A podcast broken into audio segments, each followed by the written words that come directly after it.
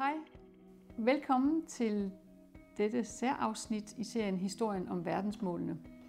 Mit navn er Lone Loklint, og jeg er formand for Nyt Europa. Og i dag skal vi tale om et yderst højaktuelt emne, nemlig skovrydning. Vi skal snakke om, hvor stort problemet er, og hvad vi kan gøre for at løse det. Hvad det er for nogle udfordringer, vi har, når vi skal træffe det valg om, hvad det er for nogle varer, vi putter i vores indkøbskurv. Og til at hjælpe os med at blive klogere på det her spørgsmål, så har jeg inviteret Christine Klemen. Christine er kampagneleder for landbrug og skovområdet hos Greenpeace i Danmark, og de er vores samarbejdspartner på den danske del af Together for Forest-kampagnen. Det er en kampagne, som du her i november og december kan gå ind og bakke op om. En kampagne, vi sammen skal blive klogere på i de næste 25 minutter. Men Christine, velkommen til studiet, og tak fordi du har lyst til at komme og dele din viden om verdens skove med os. Ja, tak fordi jeg måtte komme. Jeg tænker, vi springer ud i det med det samme. Øhm, og først vil jeg gerne spørge, spørge dig, hvad er det egentlig for en situation, verdens skove øh, står i lige nu? Hvorfor er det så vigtigt, at vi tager hånd om de udfordringer, som skovene står i? Jamen, skovene står i en øh, rigtig dårlig situation øh, lige nu. Øhm, faktisk i år øh, har været et rigtig, rigtig slemt år for, øh, for skovene, hvor der, vi har set rekorder i skovrydning og skovbrænde og naturødelæggelser i Sydamerika. Blandt andet i ly af, af den her coronakrise, som, øh, som hele verdenssamfundet er lammet af. Øh, men det har også betydet, at miljømyndighederne ikke har kunne komme ud, øh, ikke har kunne komme ud og gøre deres arbejde. Og det betyder så, at ligesom de kriminelle kræfter, som øh, er derude og som rydder skovene, de har haft øh, ret frit spil, øh, og de har kunne gøre det uden øh, i strid, jeg kan man sige, strid med lovgivningen i de lande, uden at der har været nogen, øh, der har holdt øje med dem, og nogen, der har sanktioneret dem. Så det har, været, øh, det har været rigtig alvorligt, og det øh, sker jo på et tidspunkt, hvor vi har faktisk rigtig, rigtig meget brug for, at det skal gå den anden vej for verdensskove.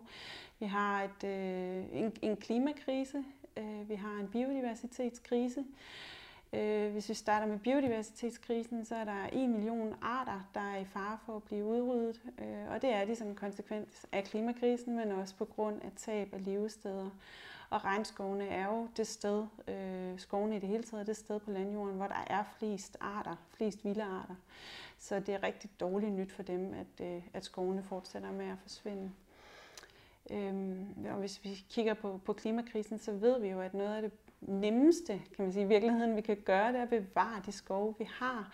Fordi de binder utrolig meget kulstof fra atmosfæren. De øh, binder kulstof både i træerne, træernes rødder og jorden under skovene. Og når vi går ind og, øh, og fælder skovene, øh, mange steder bruger ild til at rydde, øh, til at kunne lave landbrugsproduktion på den jord, hvor vi har fældet skovene, jamen så øh, udleder det utrolig meget øh, kulstof ud i atmosfæren på arealer, som jo egentlig har den modsatte effekt og kan gøre rigtig godt for vores klima. Så det er en ting, som der også er enighed om globalt, at man simpelthen er nødt til at beskytte de skove, vi har, og vi er samtidig også nødt til at, øh, at plante mere skov. Men lige nu så går det bare den forkerte vej. Øh. Men det er jo også det der med, at der er mange, der ikke tænker over det, men at det faktisk har så stor en, en betydning for vores CO2 aftryk. Øh, fordi hvorfor er det, man rydder skov? Det er jo, som du sagde, noget med at få at dyrke landbrugsprodukter. Men det er jo ikke alle, der ved, at øh, fordi man køber øh, kakao eller chokolade osv., så er man faktisk med til at, øh, at få større CO2-udledning, fordi man faktisk får ryddet de der skove. Øhm, er det noget, I har arbejdet meget med i, i Greenpeace i det hele taget, det med at få, få øh, kigget på, på sammenhængen mellem vores forbrugsvaner og, og øh, CO2-udslippet. Ja, jamen det har vi arbejdet rigtig meget med. Øh, og, i, og i forbindelse med, øh, med skovrydning også har vi arbejdet rigtig meget med det. Øh, og man kan sige, der er kan man sige, to varegrupper, som ligesom øh, slår alle andre, når det kommer til deres aftryk på, øh, på skovrydning. Og den ene, det er palmeolien. øh, som øh, vi især får fra øh, Sydøstasien, hvor der altså er blevet skov, altså ryddet helt enorme skovområder for at lægge det om til oliepalmeplantager, hvor man så laver palmeolie. Og palmeolien ryger jo i øh, snart set halvdelen, halvdelen af alle varer på supermarkedshylderne indeholder palmeolie. Ja. Øh, og hvis jeg lige må tilføje også, at det andet, det er jo, kan man sige, øh, landbrugets øh, kødproduktion, både øh, i form af græsningsarealer til kvæg, men også i, øh, i form af soja, som vi importerer til, øh, til dyrefoder. Ja, man kan jo sige, at øh, EU er jo faktisk ansvarlig for 10 procent af skovrydningen globalt. Så, øh, så derfor er det jo rigtig vigtigt, at vi, selvom vi kun udgør 7% af befolkningen, så, øh, altså verdens befolkning, så er det jo en kæmpe impact, vi har som, øh, som EU-borgere, fordi vores forbrug er så stort, som det er. Øh, jeg læste et sted, at øh, skovrydning det faktisk udleder mere CO2 hvert år, end 85 millioner biler gør over hele deres levetid. Det er jo tankevækkende, at, øh, at det er sådan nogle tal, vi er oppe i. Og det tror jeg, der er mange mennesker, der ikke øh, tænker over. Øh, men Green Deal, i EU's Green Deal, øh, lægger jo op til faktisk at få meget mere beskyttelse af, af skovene. Øh, fordi i det hele taget er der fokus på, at vores forhold til naturen er ligesom blevet ødelagt, og det skal vi have rettet op på. Nu sagde du allerede, at kødproduktion er noget af det, der særligt fører til, til øh, skovrydning, øh, men også det der med importen af, af soja til at, at til foder til vores dyr her i Danmark, fordi vi, vi avler jo rigtig mange svin og, og også kvæg i det hele taget, øhm, men vi har ikke selv foder til dem. Øhm, hvilke konsekvenser har det for vores øh, klima sådan på den store skala? Jamen, foderproduktionen til alle de her mange dyr har jo et, øh, et kæmpe øh, konsekvens for vores klima, fordi det er jo med til at skabe øh, pres på naturarealer. Øh, når, når produktionen af kød vokser, jamen, så kræver der også mere areal til at, at fodre alle de her dyr. Og som du var inde på, Lone, jamen, så her i Danmark, vi har simpelthen ikke areal nok til at fodre de dyr, vi producerer. Vi bruger, øh, altså Danmark er det mest intensivt dyrkede land i EU, det land med mindst natur. Vi bruger 60% af vores areal til at lave øh, landbrugsprodukter, og ud af det er det simpelthen 80%, der bliver brugt til dyrefoder. Det svarer sådan cirka til det halvdelen af alt jord i Danmark, der bliver brugt til at fodre dyr.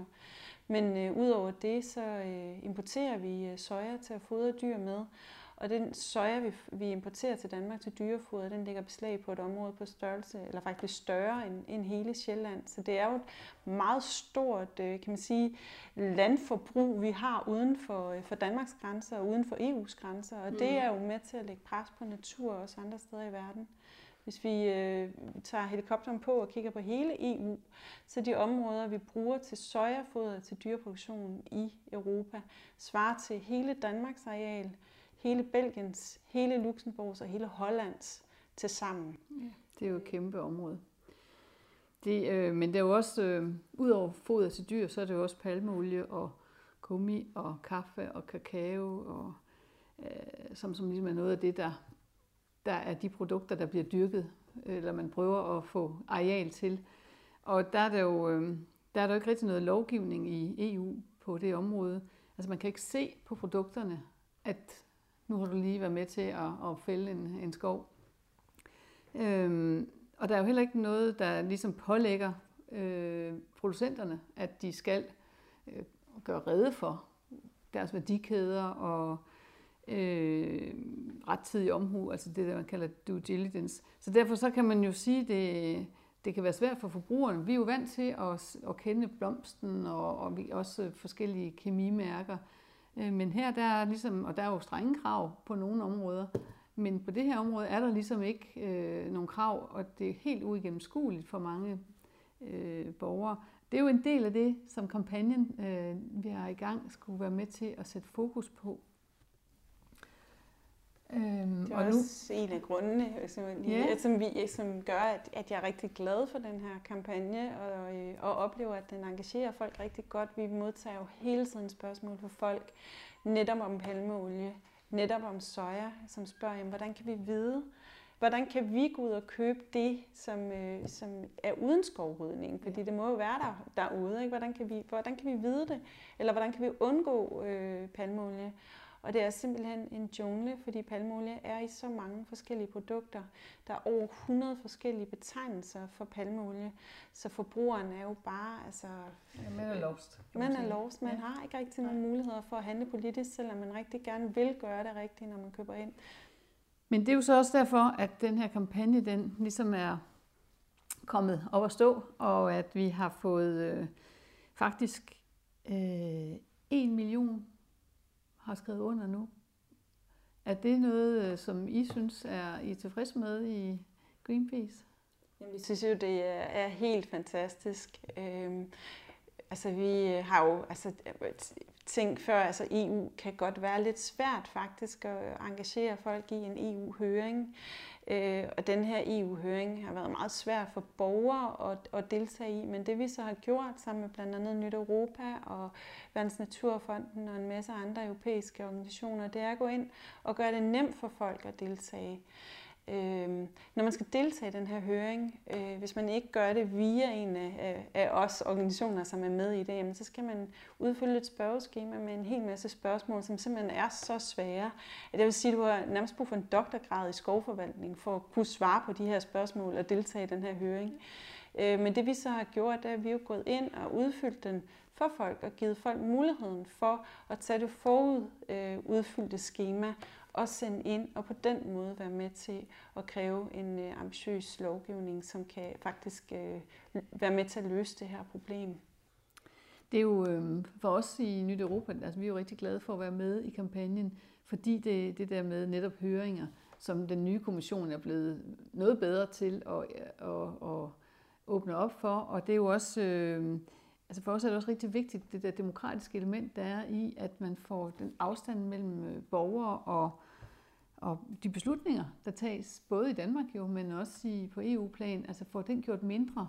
Og, øh, og det er jo ikke sådan, at vi skal have folkeafstemninger om, om alt muligt, fordi det her det er faktisk en måde, hvor man kan komme ind og give dem nogle rettesnore. Altså det her, det betyder noget, og vi ved jo, at, øh, at folk, unge især, men generelt er der jo en kæmpe, kæmpe interesse for klimaområdet. Og så er det her sådan ligesom en blind vinkel, som man slet ikke har haft øje for. Altså vi ved godt, at vi har med vores altså dyr, når man spiser kød, så ved man godt, at man har en eller anden belastning også ude i verden. Men hvor konkret det her i virkeligheden er, det tror jeg er virkelig er, øh, er nyt for mange mennesker. Øhm, jeg tror, noget af det, der har betydet rigtig meget, var de voldsomme skovbrænde, vi så sidste år øh, i Amazonas, og som faktisk ja. fik rigtig meget mediedækning. Og det fik det sådan højt op på folks mm. øh, lystavle, at der faktisk øh, er et kæmpestort problem her. Øh, både et problem i forhold til, øh, til skovene og biodiversiteten, de mennesker, der bor i skovene, men også i forhold til, til klimaet, som er rigtig alvorligt, og som vi er nødt til at handle på. Og det har ligesom også øh, skabt noget momentum omkring mm. skovene, øh, og, en, og en øh, fornemmelse af, at vi simpelthen er nødt til at gøre noget. Øh, så selvom der ikke har været så meget mediedækning af brændende øh, i Sydamerika i år, som faktisk har været værre end sidste år, jamen så ligger det hos folk den øh, bekymring om skovene og, og, og, ja, og lysten til at gøre noget, øh, behovet for at gøre noget simpelthen for det. Og vi synes jo, det er altså helt fantastisk, at øh, en million indtil videre har deltaget i, i den her høring. Og det sender jo et super stærkt ja. signal til EU-kommissionen. Det er også første gang, at der har været så stor folkelig opbakning Altså udover, hvis nok der vil man skulle stemme om, eller skulle ligesom høres om, om vintertid og sommertid. Det var også noget, der kan optage sjælene. Men, øh, men på den måde her, når det er så stort et mandat, så bliver det også nødt til at blive taget alvorligt. Og, øh, og det øh, er jo med til at, at, at vise, at det kan faktisk godt nytte og, øh, og øh, lave noget både kampagne. Det, en million underskrifter er jo en, øh, et stort tal, sådan lige umiddelbart. Det er faktisk også det, der skal til for at lave et borgerforslag i EU. Så, så det er jo sådan en... Øh, det er der noget, der gør indtryk. Jeg er sikker på, at EU-parlamentarikerne er meget øh, optaget af, at den her øh, positive borgerrespons. Øh, men det viser også, at borgerne gerne vil høres, øh, så det håber jeg, at vi kommer til at gøre på mange flere erfaringer med fremover. Men tit så er det jo på hele det der forbrugerområde, at der også er meget, man kalder om, på frivillige initiativer. Altså det har vi jo også meget af herhjemme, og virksomheder, der, der i deres CSR-arbejde øh, gør noget af det, der er, ligger ud over sådan hard law, men sådan med lidt mere soft, øh, hvor man med, gerne vil vise, at man øh, går ind for bæredygtighed, og man tager ansvar. Øh, hvad, hvad tænker du i forhold til, at det her øh, også bare kunne være et frivilligt initiativ, at, at virksomheden de tog det på sig? Jamen, jeg synes øh, egentlig, altså de sidste øh, 10 år i hvert fald har vist, at det overhovedet ikke virker, fordi vi har jo faktisk øh, altså 400, over 400 af verdens største virksomheder gik sammen for 10 år siden og sagde, at i 2020, så, øh, så ville de stoppe skovrydningen, og de ville øh, sørge for, at der ikke var nogen skovrydning i deres varekæder, så deres øh, produkter ikke på nogen måde skulle kunne forbindes til skovrydning. Øh, og man kan sige, at 2020 det er, er næsten, det er nu. Det er nu, ikke? og næsten slut endda. Øhm, og øh, skovrydning har slået nye rekorder i år, så det er jo helt klart ikke lykkedes af frihed, frivillighedens vej. Vi har kigget på, øh, på nogle af de her virksomheder, nogle af de allerstørste øh, i Greenpeace, for at se, jamen, har de levet op til deres løfter, og det har de ikke. Øh, der er ikke nogen af dem, der kan gå ud og sige øh, i dag, at øh, deres øh, varer ikke har forbindelse til skovrydning. Det har de simpelthen ikke fået ryddet op af frivillighedens vej. Så jeg synes, vi har set så tydeligt nu, at øh, selvom der er nogle gode intentioner derude mellem virksomhederne, så kan det ikke løses af frivillighedens vej. Vi har brug for, øh, at politikerne går ind og regulerer området. Øhm, og jeg synes i virkeligheden, at altså, virksomhederne bør tage det lidt som en gave, øh, at der kommer regulering, og på den måde, at det hjælper dem, og at, at der bliver lige forhold for virksomhederne mm. også. Ikke? Både dem, der gerne vil løfte øh, byrden af frivillighedens vej, og dem, som ikke vil gøre det. Så der ikke er nogen, der ligesom får en, en konkurrencefordel på at blive ved med at, også med at skove. Man kan i hvert fald sige, at de virksomheder, som gerne vil gå forrest, de vil som regel gerne have mere regulering, fordi de ved, at de kan klare det. Så det, det er sådan set øh, noget med at understøtte dem, som prøver at gå forrest, øh, og så må dem, der ikke kan leve op til det, så må de jo bukke under, kan man sige. Det er jo sådan, markedet fungerer. Men, men øh, når man ellers sådan tit snakker om den politiske forbruger, altså vi kan sige, hvis der er et eller andet problem ude i verden, så har man dumpet et eller andet produkt og sagt, det køber vi ikke mere af og sådan noget. Men der er det jo rigtig svært, når man ikke kan gennemskue det. Altså igen tilbage til, at det er så øh, uklart, hvad det egentlig er for nogle produkter. Og, øh, så derfor, hvis ikke engang der findes både tydelig mærkning, men altså heller ikke øh, krav om, at det skal være mærket, så, øh, så har vi brug for en hjælpende hånd, kan man sige, gennem EU-lovgivning til, at de virksomheder, der øh, faktisk gerne vil gå med for os, de også kan, kan vise det til deres forbrugere.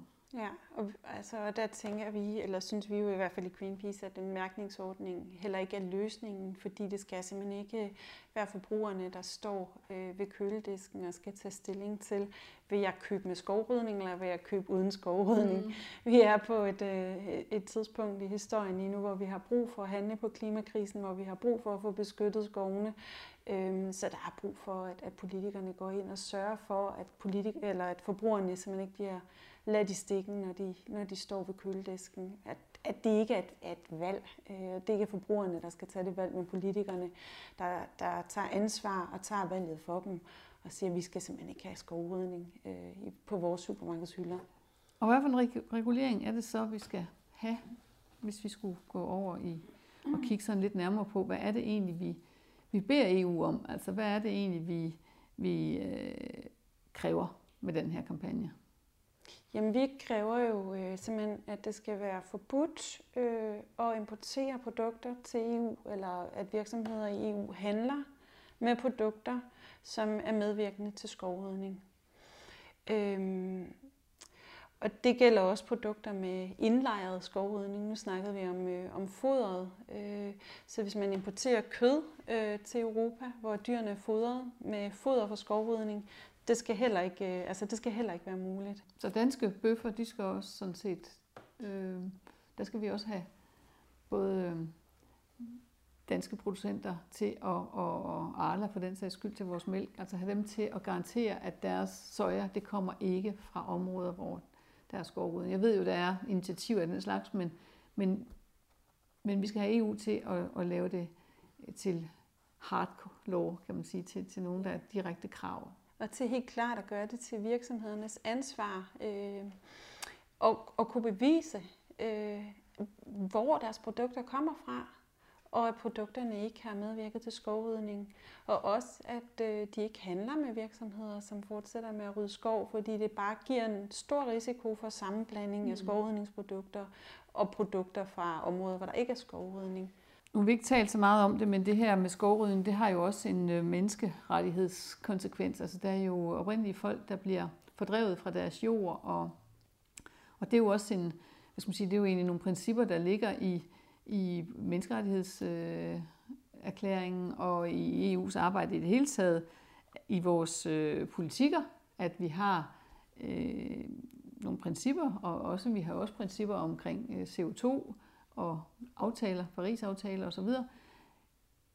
Det er jo den der koherens, der ligesom skal, skal højere op på, på dagsordenen. Altså, vi kan ikke nytte noget, vi siger et og gør noget andet, eller at vi laver politikker på et område, men på et andet område, så har vi bare en øh, sådan blind, blind plet. Øhm, og lige nu der er EU jo i gang med at forhandle en aftale med øhm, en handelsaftale med Mercosur-landene. Øhm, det er jo i sig selv udmærket at lave en handelsaftale. Der er bare på det problem, at der er i den faktisk en stor risiko for, at 25 procent øh, mere skovrydning bliver en konsekvens af den. Øhm, det ved jeg, I har arbejdet meget med i Greenpeace. Kan du fortælle lidt mere om, om det? Fordi det er jo ikke noget, vi har hørt noget om herhjemme i pressen. Nej, det er... Altså, altså, jeg, jeg, fra, jeg har set et indlæg fra jer, men, men, fra nogle grønne organisationer, ja. men ellers er ikke meget, vi har hørt om det. Nej, og det synes jeg i det hele taget er sådan ret vildt. Altså det er en kæmpestor handelsaftale, som, øh, som EU øh, er på vej til at gå ind i øh, med fire sydamerikanske lande, Brasilien, Argentina, Paraguay og Uruguay. En, en kæmpestor handelsblok. Øh, og der har bare været total stillhed omkring det fra, øh, fra, for, for både for den her regering og for tidligere regeringer. Det er ikke noget, vi har en offentlig debat omkring, om det er en god idé. Øhm, og, altså hårdt presset, så øh, kan man måske få dem, få dem til at, at, at tale lidt om det. Ikke? Der har været nogle øh, enkelte spørgsmål øh, i, øh, i, i Folketinget til, øh, til ministeren, som så har været øh, til gengæld sagt, at han synes, det øh, er en god idé, fordi han mener, at øh, det kan være med til at, øh, at hjælpe med at håndhæve Paris-aftalen og holde Brasilien inden for Paris-aftalen. Brasilien er jo det land, som ligesom har den største bekymring for, mm. øh, fordi der er så voldsom skovrydning øh, derovre. Øh, men desværre så ligger, altså det er rigtigt, at Paris-aftalen øh, er nævnt i den her handelsaftales bæredygtighedskapitel, men der ligger ikke nogen værktøjer til faktisk at håndhæve den. Mm. Så hvis øh, Brasilien eller Argentina eller Paraguay fortsætter med at fælde skov, jamen så har øh, EU, når de først har ratificeret aftalen, egentlig ikke nogen muligheder for at gøre noget øh, andet end at løfte øh, pegefingeren. Og det er ret vildt, fordi hvis øh, Brasilien laver en skat på, på sukker, så kan der komme sanktioner fra EU, øh, fordi det vil være et brud på aftalen. Men hvis de fælder skov øh, og forbryder sig mod Paris-aftalen, så er der ingen sanktionsmuligheder. Nej, og der kan man jo sige, at øh, den her kampagne skulle gerne få, få fokus på, at, øh, at hele det her område, som, som er sådan lidt indirekte, at det faktisk øh, skal højere op på dagsordenen, fordi det er jo helt øh, vanvittigt, at vi taler kun om elbiler og vindmøller og så videre her, og når der så i virkeligheden er øh, så meget øh, skov, der forsvinder, og, og som på den måde bidrager til, at, øh, at ja, faktisk en temperaturstigning på halvanden grad jo vil fortsætte, i det, hvis vi fortsætter med at skove, som i det, i det tempo, vi har i dag, så uanset om vi stopper alt muligt andet fossil øh, brændsel, så vil det stadigvæk fortsætte. Så, så der er jo virkelig grund til at, øh, at kigge nærmere på det her, også i forhold til en handelsaftale. Det øh, lægger jo meget pres på hele øh, EU-systemet, at vi har sådan nogle øh, folkelige øh, høringer og, og mandater, og jeg håber altså også rigtig meget, at det vil blive mere synligt i, i vores øh, presse herhjemme, fordi øh, Øh, EU har jo indimellem med at, at fylde lidt lidt i, i den danske presse. Øh, men øh, jeg synes, vi har haft en, det er meget spændende, øh, alt det I også arbejder med. Og øh, jeg vil gerne sige tak til dig, Christine, fordi du har lyst til at bidrage til det her særafsnit om, af historie om verdensmålen. og tak fordi du har lyst til at komme og fortælle øh, om den her vigtige dagsorden, som vores fælles kampagne Together for Forests løfter. Og er der noget, du lige har på tungen her, inden vi runder af? Noget, du gerne vil tilføje af det, vi har Øhm, jamen, altså vi, øh, det var lidt sjovt, fordi vi øh, har jo lige været ude og fejre den her 1 million underskrifter, som vi synes er helt, helt fantastisk. Øh, og så fik vi et spørgsmål fra øh, et af vores medlemmer om 1 million, øh, og i forhold til hvor stort EU øh, er, hvor fantastisk er det egentlig, at så mange borgere så engagerer sig i en EU-høring.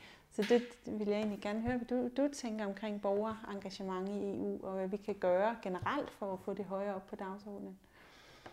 Altså, jeg synes faktisk, at 1 million er, er ret godt scoret, fordi øh, det, er, det svarer jo til det, der skal samles ind for at lave et borgerforslag. Og det er jo ikke sådan, at det skal være noget, man bare lige kan gøre øh, over natten, men på den anden side skal det også være opnåeligt. Og jeg synes, det her det viser meget godt, at at det er nok et, øh, et fint tal at ligge på, når der er 460 millioner øh, borgere i EU, øh, når, når EU engang, øh, når, ved, når England stikker af, øh, så er det jo en, en, en ret høj, eller fin andel, synes jeg, selvom det ikke engang er 1%, så er det, så er det alligevel mange, der har mobiliseret sig og, og skrevet under og jeg tror da, at det er utrolig vigtigt, at vi bruger klimadagsordenen. Det så vi jo ved valget, øh, EP-valget, hvor mange der ekstra tog ud og stemte. Og det at bruge klimadagsordenen til at få faktisk fokus på nogle helt konkrete emner, som vi jo selv kan bidrage til, hvis vi har viden, men som jo også kræver, at, at vi puffer til EU og siger, nu må I simpelthen lave lovgivning, for hvis vi har et mål om at sænke CO2-udslippet i Europa, så kan det ikke nytte noget, at vi vender det blinde øje til alt det, vi gør skade ude i resten af verden.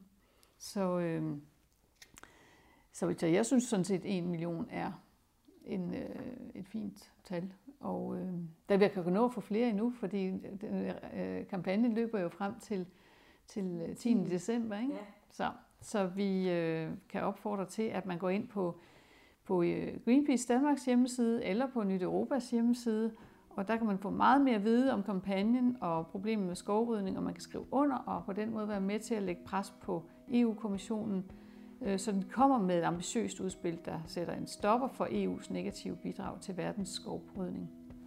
Og så skal jeg bare lige sige til sidst, at den her podcast den er blevet til med støtte fra Europanævnet. Tak fordi I lyttede med.